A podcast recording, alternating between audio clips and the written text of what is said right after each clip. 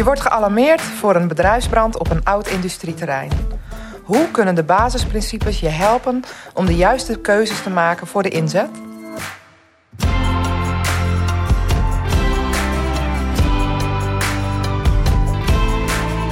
Leuk dat je luistert naar de brandcast van de VRU. Mijn naam is Fanny Spierenburg. Elke aflevering bespreek ik één incident en de lessen die we daaruit kunnen leren. Goed dat je luistert naar de brandcast. Ik zit hier aan tafel met Hans Nederhof, brandonderzoeker binnen de VRU, en Tom Klever, een van de twee evaluatoren van dit incident. Welkom. Um, Hans, over welke casus gaan we het hebben? Uh, vandaag gaan we het hebben over uh, de brand, de zeer grote brand in de Meubelboulevard in Soesterberg. Um, nou, vertel, wat was de melding? Uh, de melding is gedaan door werknemers van een garagebedrijf die bezig waren aan een auto. Uh, die auto is uh, in brand geraakt tijdens de werkzaamheden. Uh, die hebben in paniek 112 gebeld. en terwijl zij de melding deden, breidde de brand al heel snel uit. Ehm, de TS van Soesterberg is gealarmeerd. En al tijdens het aanrijden bleek de brand zich heel snel voor te planten. Hmm. En toen die eerste TS ter plaatse kwam, wat, wat was vervolgens het plan? Uh, het eerste plan was uh, uh, direct hebben zij onderkend van dit wordt een, een flinke brand. Dat, ja. Dit gaat snel. hadden al snel in de gaten dat het, de brand niet beperkt bleef tot het garagebedrijf, maar ook naar de huurders ernaast. Mm -hmm. die hebben heel snel opgeschaald, maar wel een poging gedaan om nog een, een inzet vanaf buiten te doen om die brand te stoppen. Maar tijdens die inzet bleek al snel dat de brand sneller ging uh, dan zij voor, kunnen, voor konden zijn. Ja, ja, precies.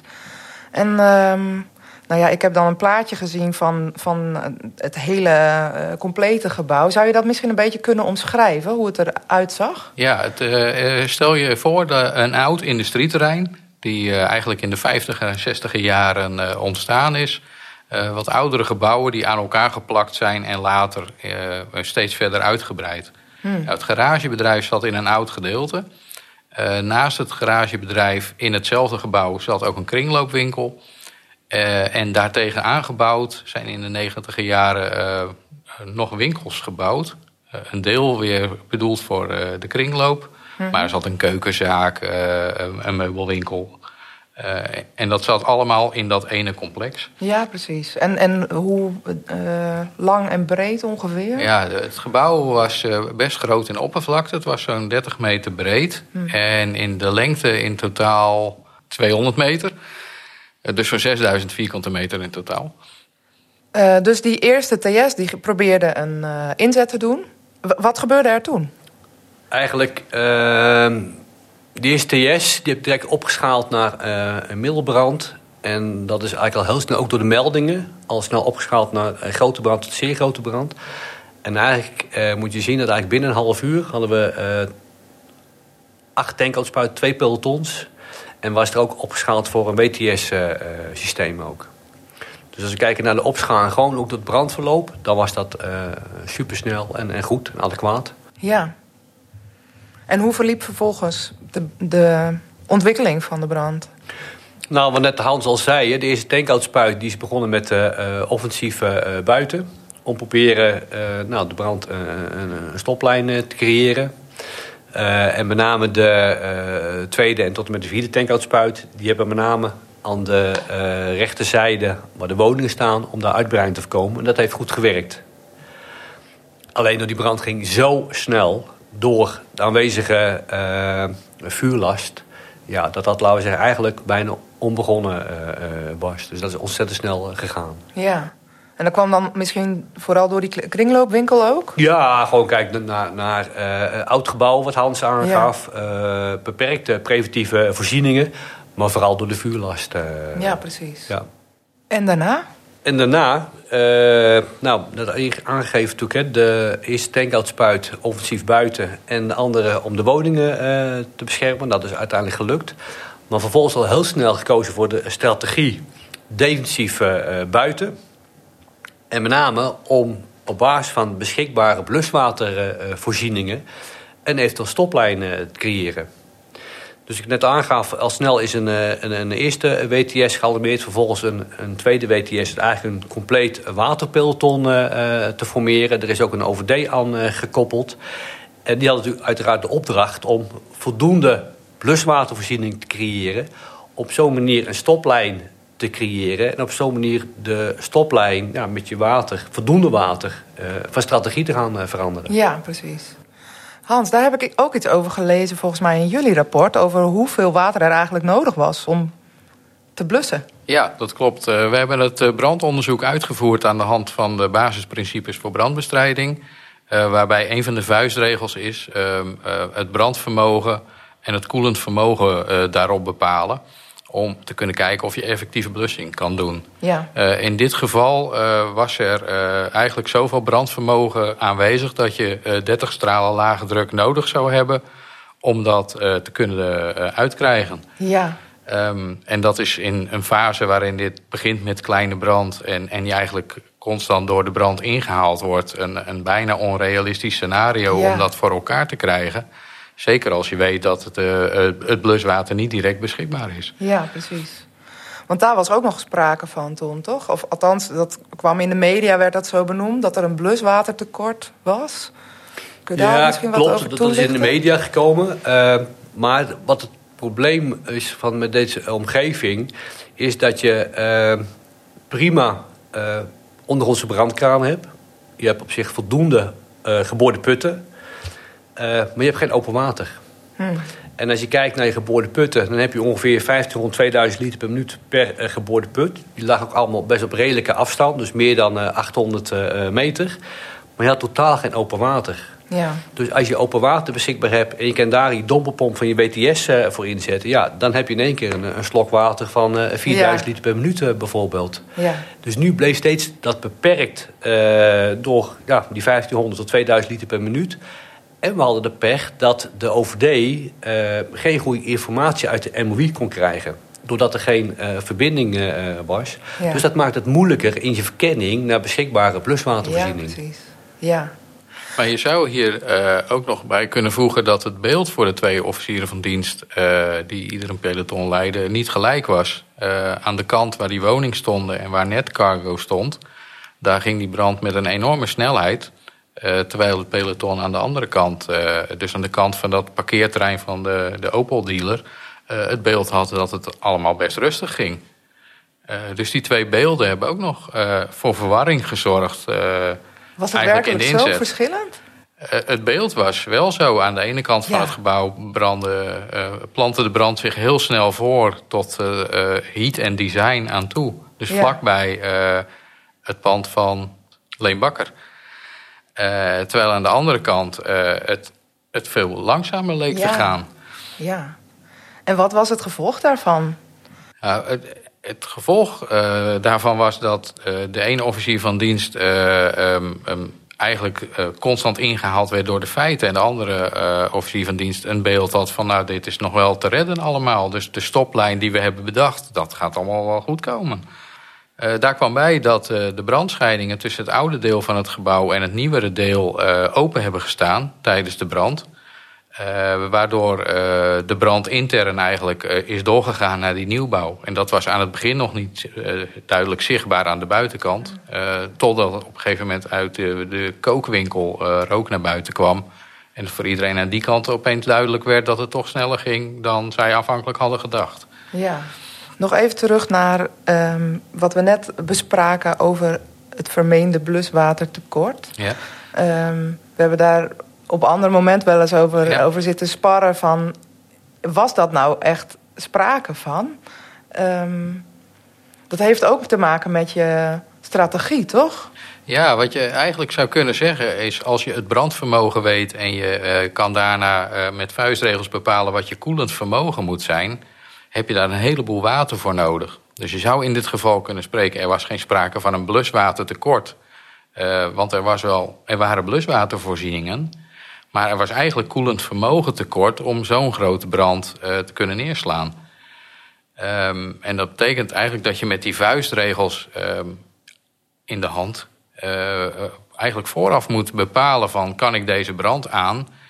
En moet ik mijn inzetstrategie daarop aanpassen? Dus Ja. in dit geval zou je kunnen zeggen dat een brandvermogen van deze omvang eigenlijk alleen nog maar op te lossen was als een defensieve buiteninzet. Want voor een offensieve inzet had je gewoon te weinig koelend vermogen ter plaatse. Ja, Je zou kunnen zeggen dat in dit geval je watervoorziening niet toereikend is voor een offensieve inzet. Dus je valt automatisch daardoor terug op een defensieve inzet. ja, ja precies. Oh, Oké.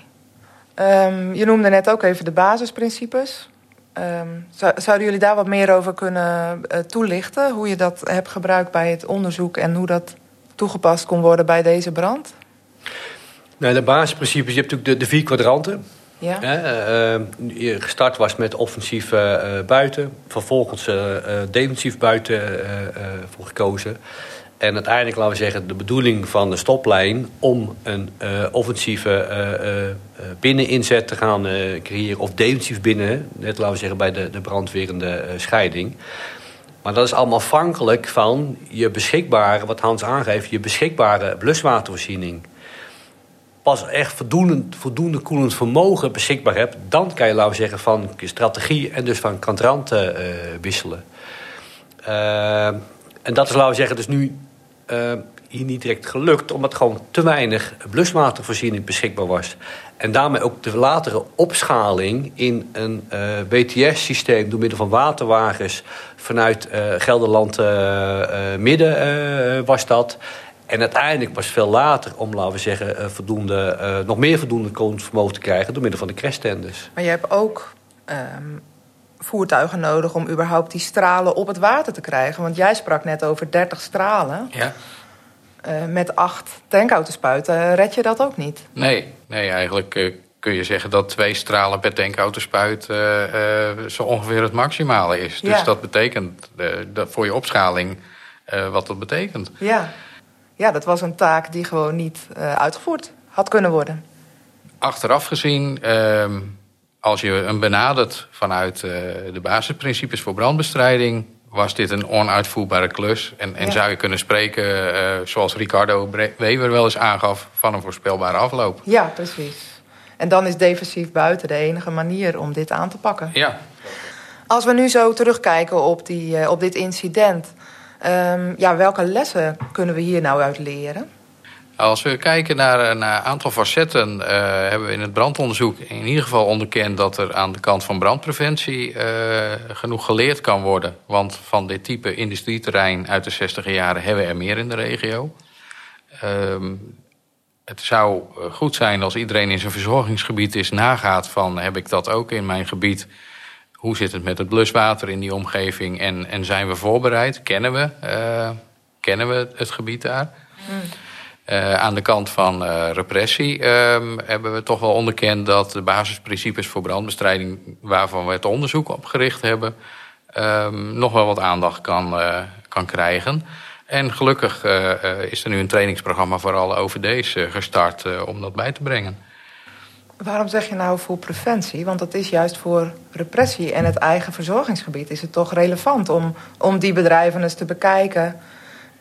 Ja, ja, daar heb je gelijk in. Eh, voor, eh, voor preventie betekent het dat je een, beeld hebt van wat hebben we nu. Maar voor repressie breng je eigenlijk daarmee de consequenties in beeld. Van nou ja, uitgaande van eh, dit heb ik in mijn verzorgingsgebied. Hoe bereiden we ons voor op een incident daar? Ja. En is een brand met een dergelijke voorspelbare afloop ook in ons verzorgingsgebied mogelijk? Ja, precies. Ton, als jij zo terugkijkt naar je, in je onderzoek, wat, wat zijn voor jou de belangrijkste lessen? Een van de belangrijkste lessen is zijn eh, uitvoering geven aan, aan de strategie die je eh, voor kiest. Dus met betrekking tot defensief buiten, dat je dus geen eh, stralen maar gaat inzetten meer op de brand. Voldoende afstand houdt, faalschaduw, rekening mee houdt, dat soort aspecten. Of dat je van de andere kant de rand kiest, maar daar moet je dus dan met elkaar conformeren. En vooral de OVD erop sturen en controleren. En misschien ook dat het belangrijk is om ehm, je beelden met elkaar te delen, zodat je ook snapt waarom je in een bepaald kwadrant bezig bent. Klopt, klopt ja. Eh, en ook wat ook hier geconstateerd is, en dat is zo het belang, en vooral bij zo'n groot complex kan het best zijn dat je eh, eh, verschillende keuzes, verschillende strategieën hebt. Tegelijk. Tegelijk, dat kan. En, uh, en dat moet je dan goed communiceren van de overdees naar de bevelvoerders toe. Dat ook de manschappen weten van joh, dat vak is voor die strategie gekozen. En voor dat vak is voor die strategie gekozen. Ja. En dat is uh, nou ja, ook wat Hans zegt, hè, met betrekking tot de trainingen met de overdees natuurlijk een heel belangrijk uh, aspect. Maar we zien het ook wel met incidenten die nog onder onderzoeken zijn, waar we eigenlijk dezelfde constateringen zien. Ja, precies. En wat mij ook wel bijblijft, is dat die basisprincipes zo belangrijk zijn. Ja, dat klopt. Uh, bij dit, zeker bij branden van dit soort uh, omvang. Uh, en als je die basisprincipes nog eens afpelt, dus um, um, begint met stop, denk na. Uh, dan ga je inschatten, weet ik waar het brandt? Weet ik wat de omvang van de brand is? Hoeveel koelend vermogen heb ik beschikbaar? En op basis daarvan kies je dus eigenlijk je kwadrant? Ja, die inzetstrategie. Ten aanzien van het koelend vermogen, is misschien een mooie toevoeging... is dat wij het project starten met bluswater in beeld. Dus binnen de VRU per gemeente brengen we de beschikbare bluswatervoorziening uh, uh, in beeld. En het wordt geanalyseerd op basis van het soort type object... of dat toereikend is of niet toereikend is. En uiteindelijk zal het mooi zijn dat we die tool straks beschikbaar krijgen voor de repressie dat met name gelijk zichtbaar wordt van... Hey, hoe zou dat, laten we zeggen, met je bluswater Is dat toereikend om een bepaalde aanvalstactiek te gaan bepalen? Oh, dat is zeker een mooie toevoeging. Ja. Dankjewel, Tom. Oké. En jij ook, Hans. Dankjewel voor dit gesprek. Graag gedaan. En jij bedankt voor het luisteren. En tot de volgende brandkast.